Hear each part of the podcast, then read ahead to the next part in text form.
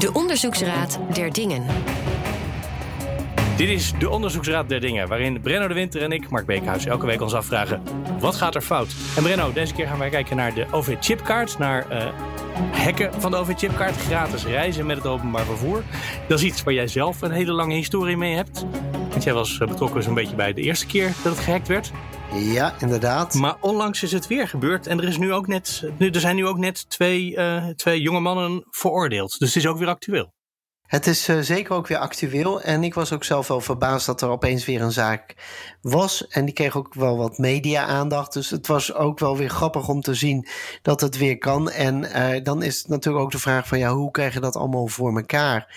Dus de grote onderzoeksvraag. Um, is toch wel rond de overchipkaart. Wat gaat er fout met zwartrijden? Want aan het einde zijn ze dus wel gepakt. ja, dat is ook waar. En we hebben een getuige deze week. Volgende week hebben we er twee. Vandaag gaan we in op de technische kant van de zaak. Volgende week hebben we de verdachte, nee, de veroordeelde zelf inmiddels. En het Openbaar Ministerie. Inderdaad, uh, dat is ook hoe de zaak aan het rollen kwam. Uh, de veroordeelden, toen waren ze nog verdachten. Uh, die, die, kwamen eigenlijk op de mail en uh, toen hebben we gezegd van ja, wij laten we nou even wachten tot we een uitspraak hebben en er dan over doorpraten. En daar waren ze voor in, dus dat is hartstikke leuk. Maar we hebben nu als uh, getuige uh, Robert Meppelink. Hij is van het beveiligingsbedrijf Secura. En hij heeft her en der over de wereld, in Nederland, maar ook in Hongkong en Nieuw-Zeeland, OV-chipkaartsystemen geïnstalleerd. Dus hij weet wel het een en ander hoe dit soort dingen in elkaar zitten. Laten we dan beginnen met de ondervraging van onze getuigen. De getuigen. Ja, Robert, hoe werkt dat nou eigenlijk? Hè? Ik, ik, ik zie natuurlijk, of ik doe het natuurlijk ook veel. Ik ga naar zo'n poortje of een paaltje toe. Uh, en dan gaat dat open, dan hou ik mijn kaart ervoor. Maar wat gebeurt er dan eigenlijk allemaal? Uh, er gebeurt een hele hoop. Um, Zo'n overchipkaart is eigenlijk een geheugenkaartje. Um, en in de, uh, het poortje zit een sleutel. En die sleutel die past precies bij jouw specifieke overchipkaart.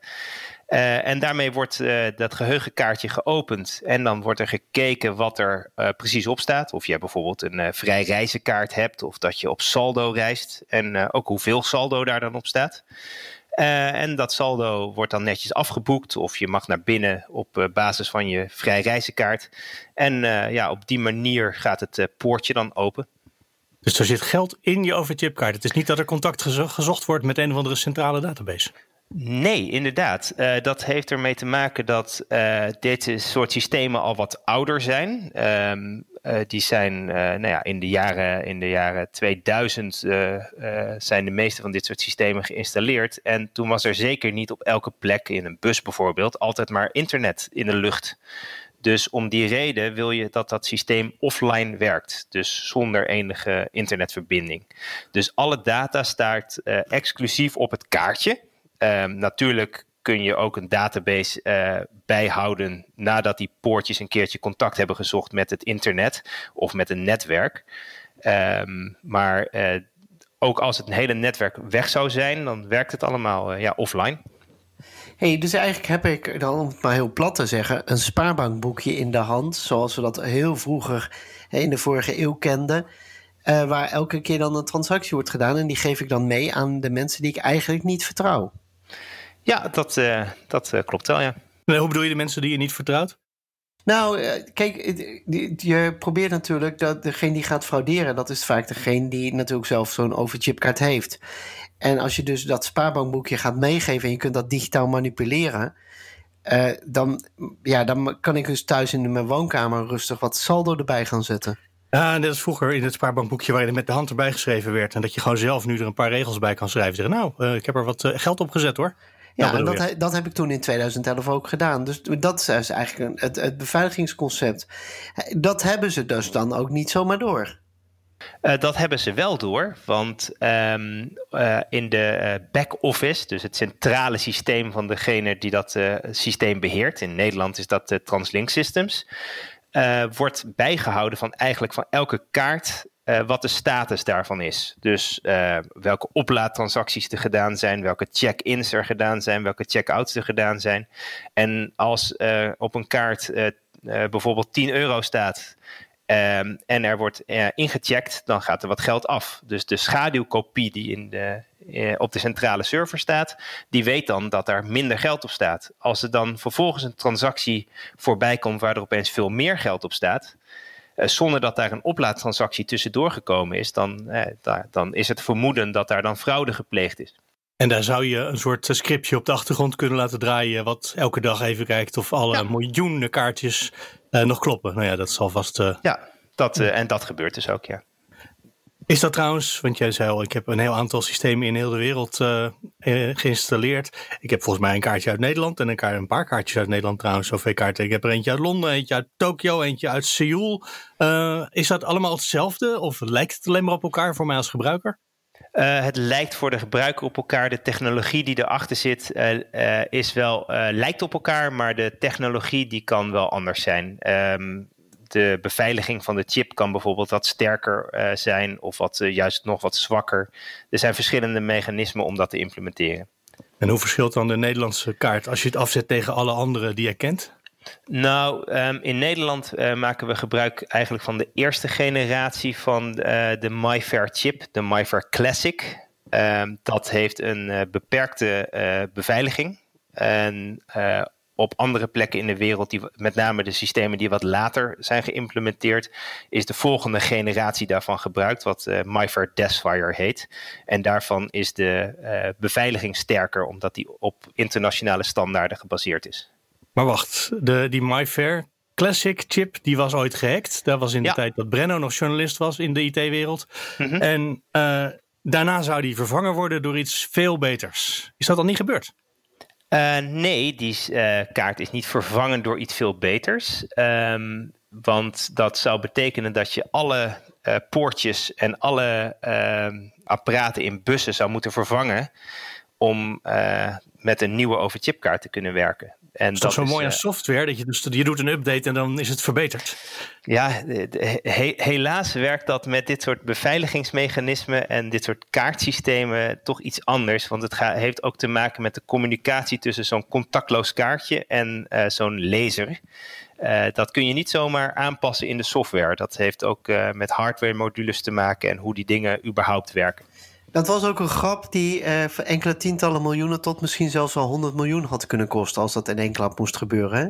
Dat, uh, ja, ik, ik, ik, ken dat bedrag niet, maar uh, dat is een enorme operatie. alle bussen moeten, in de, moeten aan de kant staan en die moeten al die bedrading, nieuwe apparaten, dat is, dat is een flinke operatie. Ja. Maar betekent dat dat we tot het einde der tijden aan een slecht beveiligbare overchipkaart vastzitten?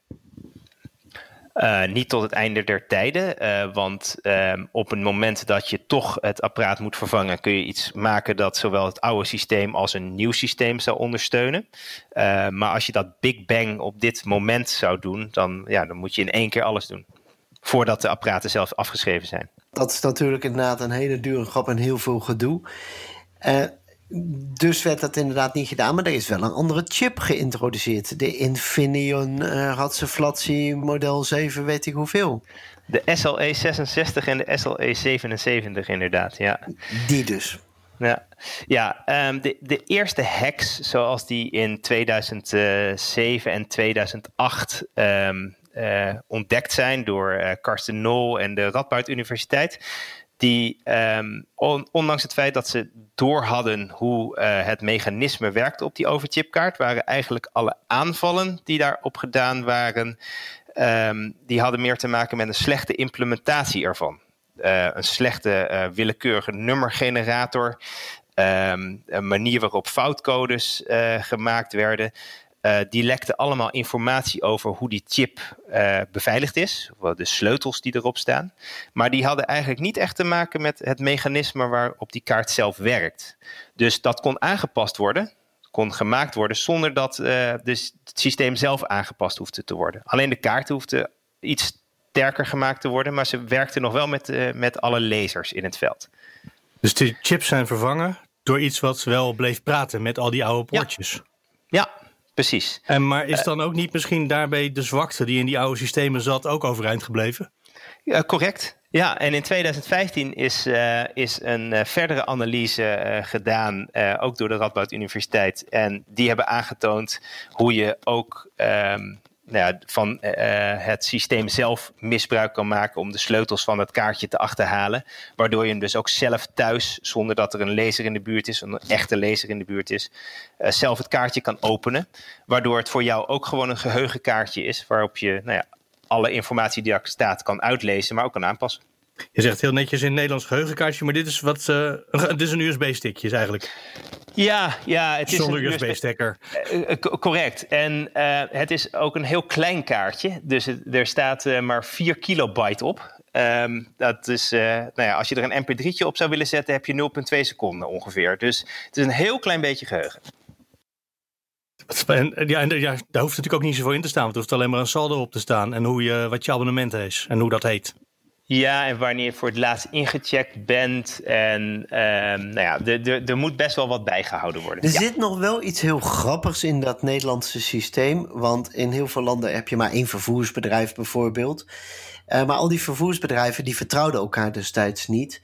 En wat hebben ze dus gedaan, is die, uh, die, die kaart ook nog eens een keer in twintig stukjes knippen. Waardoor je dus allemaal verschillende vakjes hebt. En elk vakje zeg maar, hoorde dan aan een vervoersbedrijf toe en dan was er voor het saldo een los vakje. Uh, dus nu kan dus zeg maar iemand met die hacking software overal bij, maar ze hadden dus ook die kaart beveiligd tegen de andere vervoersbedrijven. En hou je dan ook wel overeind dat uh, als je je saldo verhoogt bij het ene bedrijf, ja, dan zit er gewoon meer geld in de kaart. Nou, dat, dat was wel een gedeeld uh, portemonneetje wat erop staat. Oh, dus toch? Dat, uh, dat, dat was gedeeld, ja. Uh, maar reisproducten kunnen wel afhangen van, van ja, de vervoerder.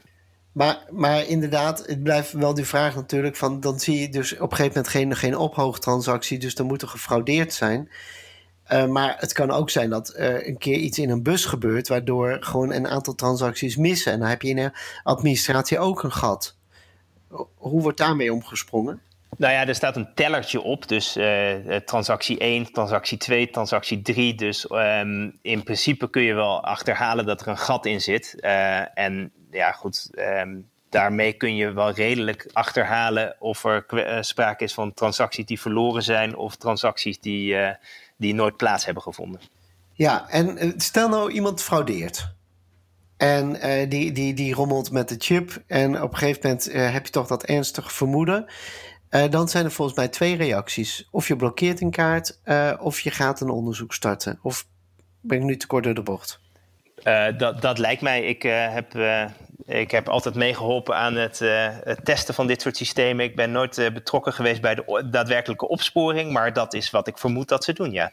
Is dat bekend dat ze een zwarte lijst hebben van kaarten die geblokkeerd zouden moeten zijn in elk geval? Ja, ja elk, elk uh, apparaatje heeft een lijst met kaarten die geblokkeerd zijn. Um, en uh, waarmee bijvoorbeeld een transactie gebeurd is die niet goed is, uh, waarmee fraude gepleegd is. iemand die zegt: Ik ben mijn kaart verloren, dus um, alsjeblieft niet meer reizen op mijn saldo. Dus daar is een, een blokkeerlijst voor dat soort dingen, inderdaad. Dus die twee jongens die nou veroordeeld zijn, uh, overigens, tot, nou ja, ze moeten de reiskosten die ze gemaakt hebben, moeten ze alsnog betalen. En 120 uur taakstraf krijgen ze. Die twee jongens die hebben anderhalf jaar er rondgereden. En al die anderhalf jaar lang heeft het OV-bedrijf of uh, TLS niet doorgehad dat het gebeurde. Of ze zijn vergeten om de zwarte lijst aan te zetten. Of, of ze wilden graag weten wie het waren en, uh, en dachten laten we ze opsporen. Ja, maar 15.000 euro aan reiskosten anderhalf jaar lang, dat is wel een beetje laag, uh, een beetje traag. Co correct. Um, het kan natuurlijk zijn dat, uh, en ik, ik ken de details niet goed genoeg van wat ze precies gedaan hebben, maar als je met veel verschillende kaarten reist, dan kun je ze allemaal wel blokkeren. Maar als je elke dag een andere kaart pakt en die aanpast, dan, ja, dan helpt blokkeren natuurlijk weinig. Dat is waar. Want stel je voor dat je een, een kaart pakt en je verandert je eigen naam en je, je eigen identificatienummer. Dat zal vast kunnen. Uh, dat uh, wordt dan natuurlijk ook niet opgepakt. Want je wordt niet met een centrale database gecheckt, maar er wordt gewoon gekeken of de logica van dat ene kaartje of dat intern klopt. Ja, en um, wat, er, um, wat er ingewikkeld aan is, is dat uh, elk kaartje heeft een uniek nummer. Dus ook een anonieme overchipkaart heeft een uniek nummer. En dat unieke nummer is, um, daar is de sleutel mee gecorreleerd. Dus de sleutel van dat kaartje uh, en dat nummer, die horen bij elkaar. Dus dat is dus, niet zo makkelijk om aan te passen? Dat is niet makkelijk aan te passen. Ehm, dat is, uh, je hebt um, daar de mastersleutel voor nodig, zoals dat heet, om, uh, om echt je eigen kaarten uit te kunnen geven. Dat is nog een, een, een stap verder. Het pakken van een kaart en die gewoon openmaken en aanpassen, dat is een stuk eenvoudiger dan je eigen kaarten uitgeven. Ja, kunnen, zouden wij dat kunnen? Ja, Brenno heeft er in het verleden ervaring mee opgedaan, maar als ik wat google op internet en de software die daar ooit voor gemaakt is. Nee, nee de software, nee? Uh, de software om. Uh, er bestaat geen software om je eigen kaartjes uit te geven. Daar heb je die mastersleutels voor nodig en die, en die zijn nog geheim. En als ik alleen maar de kaart zelf aan zou willen passen, zou ik daar uh, met wat Google toe in staat moeten zijn? Ja, ja, als je de kaart zelf wil openen, dan is daar open source software voor beschikbaar waarmee dat kan, ja. Dan kan ik in elk geval lezen wat ik gedaan heb en of de administratie ja. klopt. Ja, en. Mag uh, dat, is, is dat al hacken of is dat nog geen hacken? Um, um, uh, ik, uh, ik zou, dat niet, weet, durven, goed, ik zou nee. dat niet durven zeggen of dat al computervredebreuk is. Weet Brenno dat? Ik heb zo vermoeden dat we dat volgende week sowieso ook maar eens Ja. even bij het OM moeten gaan vragen. Kijken naar je eigen OV-chipkaart klinkt als iets wat eh, op zich zou moeten kunnen. Behalve dat de OV-chipkaart het eigenlijk voor ons onmogelijk gemaakt heeft. Ja, je doorbreekt een beveiliging. Ik vind het, eh, ik vind het een lastige. Oké, maar goed, dan gaan we volgende keer aan het Openbaar Ministerie en misschien aan die twee jongens vragen. Die zullen hier inmiddels vast ook heel veel juridische kennis over hebben. Eh, dat mag ik wel hopen. Ja, Ze zijn slim genoeg in ieder geval. En ze zijn wetenschappelijk genoeg onderbouwd. eh, dat ik dat wel een beetje verwacht van ze, ja. Kan jij alvast beschrijven wat zij gedaan hebben, zodat we daar inhoudelijk nu even over kunnen eh, vragen? Um, ik, heb, uh, ik heb de uitspraak uh, van de rechtbank gelezen en wat daarin staat um, is dat ze uh, software hebben ge gepakt van het internet, die hebben aangepast en daarmee het, dus de kaarten geopend hebben en het saldo aangepast. Um, dus daar, het is me niet geheel duidelijk met hoeveel kaarten ze dat gedaan hebben, maar uh, in ieder geval met een aantal kaarten. En uh, de software aangepast, uh, ik, heb, ik las het ook. dan betekent eigenlijk dat je je eigen tools hebt gefabriceerd. Hè? Dat is weer een stapje zwaarder. Ja, dat, um, dat, zo stond het wel in de uitspraak. Um, ja, software wordt al in zijn algemeenheid is softwareontwikkeling is een, een, het bouwen op elkaar software. Dus dat is wel gebruikelijk. Um, er is veel software beschikbaar om die kaart zelf, die MyFair Classic kaart te openen. het is natuurlijk nog iets anders dan ook de structuren die binnen Overchipkaart gebruikt worden, om die dan ook tegelijk daarmee um, te implementeren. Dus uh, wel, welk stukje van dat kaartje betekent precies wat? Dat, um, ja, dat moet je bij elkaar koppelen. En dat is niet zomaar beschikbaar, maar alle losse stukjes die bestaan gewoon op internet. Ja, want als je die kaart opent, dan krijg je natuurlijk alleen maar eentjes en nulletjes voor elke van, elk ja. van die bits. En dan moet je maar je... weten of dat eerste bitje een, de naam NS betekent en of de twee, nou ja, dan moet je dan proberen te ontsleutelen. Ja, dat was toch behoorlijk ingewikkeld ook, want dat was ook echt heel veel trial en error. En op een gegeven moment ben ik er bijvoorbeeld zelf achter gekomen wat, dat stationscodes die waren op een bepaalde manier genummerd. En dat die nummering één op één dus zeg maar was overgenomen in het systeem. Want ik heb ook een periode gehad waarin ik mezelf kon inchecken destijds. En toen heb ik ook stations genomen die niet eens van de NS waren en men had echt gewoon niets door. Ja, inderdaad. Op, op zo'n kaart staat een hele hoop getalletjes. Um, en uh, één getalletje is bijvoorbeeld uh, de datum. En dat wordt dan opgeschreven als het aantal dagen sinds 1997. Um, nou ja, dat is dan een getalletje. Nou, dat betekent dat dan. En dat is wanneer je bijvoorbeeld bent ingecheckt. En het is, kost veel moeite omdat uh, als je de specificatie daar niet van kent, om dat helemaal te reverse engineeren. Maar dat is in de tijd uh, van waarin uh, Brenno dit soort dingen ook deed, allemaal uitgezocht. En de inhoud van die kaartjes is niet aangepast de laatste tijd. Dus um, met de nieuwe hack en de oude datastructuur kun je nog steeds alles doen wat je wil. Is dit nou een veilig systeem? Moet je dat zo zien? Of uh, is het eigenlijk geen veilig systeem? Ik bedoel, er zijn natuurlijk twee jongens die zijn erin gekomen. Maar is, is dat uh, hun verdienste of is dat eigenlijk het, het gebrek aan beveiliging door de OV-chipkaartbouwers? Ja, dat is altijd een lastige vraag. Uh, en, um, Zeker aan jou, want jij bent erbij betrokken geweest natuurlijk.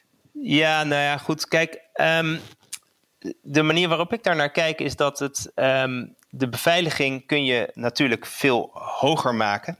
Maar eh, zoals bijvoorbeeld op een betaalpas. Maar dat heeft twee nadelen. Het ene is dat de kaartjes zelf duurder worden. En het tweede is dat uh, de transactiesnelheid, dus hoe snel kunnen, kunnen forensen snel door een poortje gaan, uh, die gaat omlaag. Dus je hebt meer poortjes nodig of je moet langer in de rij staan. Um, dus het is een trade-off, uh, zoals dat zo mooi heet, tussen uh, de, gebruik, de gebruikersvriendelijkheid en de beveiliging. Um, en ik, ik, gebruik wel eens het voorbeeld dat in Hongkong de poortjes veel lager zijn. En als je dat tijdens de presentaties in Nederland laat zien, dan zeggen, dan zeggen veel mensen van ja, die poortjes zijn zo laag, daar stap je toch gewoon overheen. Um, en dat zullen ze in Hongkong niet zeggen. Dat, daar zien ze dat als een reminder dat je, dat je moet betalen. Uh, en niet als een, oh, dat is wel heel makkelijk om te frauderen, we springen eroverheen. Dus het is, um, zo, zo zie, kijk ik daar een beetje tegenaan. Um, in de tijd van de, um, van de strippenkaart uh, was er ook veel fraude. Daar gebruikten mensen kaarsvet om uh, zo'n uh, zo'n stempeltje weer weg te halen. Ja. dat is nu uiteraard een heel stuk moeilijker geworden. als je fraudeert, nou ja, de, de voorbeelden spreken voor zich. je wordt na een tijdje nog gepakt ook. Dus ja, ja, je hebt, je hebt testrapport hierover gemaakt, stel ik me zo voor. En daar zit vast een uh, geheimhoudingsverklaring op. Maar eindigen dat altijd met allemaal vinkjes en uh, ja, we kunnen ermee aan de slag? Of zitten er toch ook nog af en toe slagen om de arm bij waarvan je zegt, nou, dat zou ik toch, uh, als het kan, een beetje aanpassen nu? Um, nou ja, op het moment dat je eenmaal zo'n systeem hebt, dan um, is het aanpassen van de beveiliging is, uh, ja, dat, dat is niet een van de knopjes die je hebt. Daar is het dan te laat voor, ja. Ja. Nou is natuurlijk binnen dat beveiligingssysteem, we hebben het nu heel veel over de techniek. Uh, maar ook dat detecteren van de fraude hoort natuurlijk ook bij het beveiligingssysteem. Hè, de ja. procedurele kant. Maar is dat wel een deel van het testen? Ik kan me voorstellen, je, je maakt nieuwe software of een nieuw systeem. En dan gaan de computer nerds gaan dan die bits in de chipkaart testen. Maar is er dan ook iemand die kijkt, is de procedure van, uh, nou, met zwarte lijsten en hoe je daarop en af komt en hoe dat allemaal werkt, uh, dat hoe, wanneer we het Openbaar Ministerie inschakelen, is er iemand die ook zo'n heel over, de hele overview van het hele systeem nog eens een keertje reviewt? Uh, ja, ja dat, uh, dat is er. Um, um, tot en met de koppeling van het Openbaar Ministerie zou ik niet durven zeggen. Maar um, aan de technische kant, je kan detecteren, en dat wordt ook getest, of je dit soort rare transacties ziet gebeuren. En dat, dat, dat zie je je ziet dat gewoon gebeuren, dat er iets fout gaat in, de, in het centrale systeem, dat er iets niet klopt. Um, en je hebt ook maar één zo'n transactie nodig, want op de meeste plekken uh, daar staan er camera's op de poortjes gericht. Dus uh, je hebt een, uh, een, tijdstip waarop iemand um, met een gefraudeerd kaartje naar binnen gaat um, en je hebt de camerabeelden. ja, je, bent ook maar één keer kunnen ze je, kunnen ze je opsporen als, je dat, als ze dat willen. Ja, dat zeg je nu wel zo, maar dat is wel een beetje wishful thinking. Want ik heb natuurlijk uh, toen die zaak ook gehad. En ik heb dat dossier gekregen. En ik zag wel een paar camera's waar de, ook gewoon letterlijk in het dossier stond dat deze camera qua tijd zoveel minuten achterliep met de klok bij de daadwerkelijke tijd. Dus daar moet je nog wel wat onderzoek voor doen. Dus je zult wel meerdere foto's moeten hebben. En dan denken, hé, hey, die kop zie ik wel erg vaak. Nee, nee, correct. Ik ben het helemaal met je eens. Maar het risico dat je loopt als je je met dit soort dingen inlaat, is natuurlijk uh, wel zeer groot. Dus ik denk, hè, om, om de vraag, hè, is, dit, is dit systeem beveiligd? Nou, de, de pakkans is zeer groot. Helder, zegt Brennem altijd dan. Ja, precies. Glashelder inderdaad. Um, ik ga deze getuigen enorm danken. Uh, Robert, uh, dank voor je bijdrage. En uh, dan kunnen we denk ik al advies gaan uitbrengen. Ja, kunnen we al een soort tussenadvies geven? Advies. Uh, het eerste advies zal ongetwijfeld zijn, jouw kennende Brenno. Ja, het is hacken en het mag niet. Doe het maar niet. Maar behalve dat. Uh, behalve dat, inderdaad, uh, is inderdaad, doe het niet, is natuurlijk de logische. Maar vooral, als je dus dit soort betaalsystemen doet, zorg dat je heel erg goed in staat bent om te detecteren dat het misgaat. En die fraudedetectie op orde te hebben, dat was nu natuurlijk redelijk goed. Maar anderhalf jaar is toch wel een hele lange tijd. Um, in 2011, toen ik uh, het deed, toen was dat nog veel problematischer. Dat hebben ze later echt wel een stuk verbeterd. Um, maar ik denk dat je daar nog steeds meer in moet blijven investeren. En, uh, dit, en vooral realiseer je dat beveiliging dus een combinatie is van je procedures en je techniek. En als je dus heel erg vastzit in je techniek, ja, dan hang je wel een beetje op het moment dat je tegen problemen aanloopt. Zoals nu met die MyVac Classic chip is gebeurd. Want eigenlijk uh, was die in 2007, hadden we die kaart er al uit moeten doen. En we werken nog met dat protocol. Dat is een mooi tussenadvies. Volgende week gaan we verder met deel 2 van uh, ons onderzoek. Ondertussen mail naar redactie.onderzoeksraadderdingen.nl. Tot volgende week. Vergeet je niet te abonneren op deze podcast, De Onderzoeksraad der Dingen.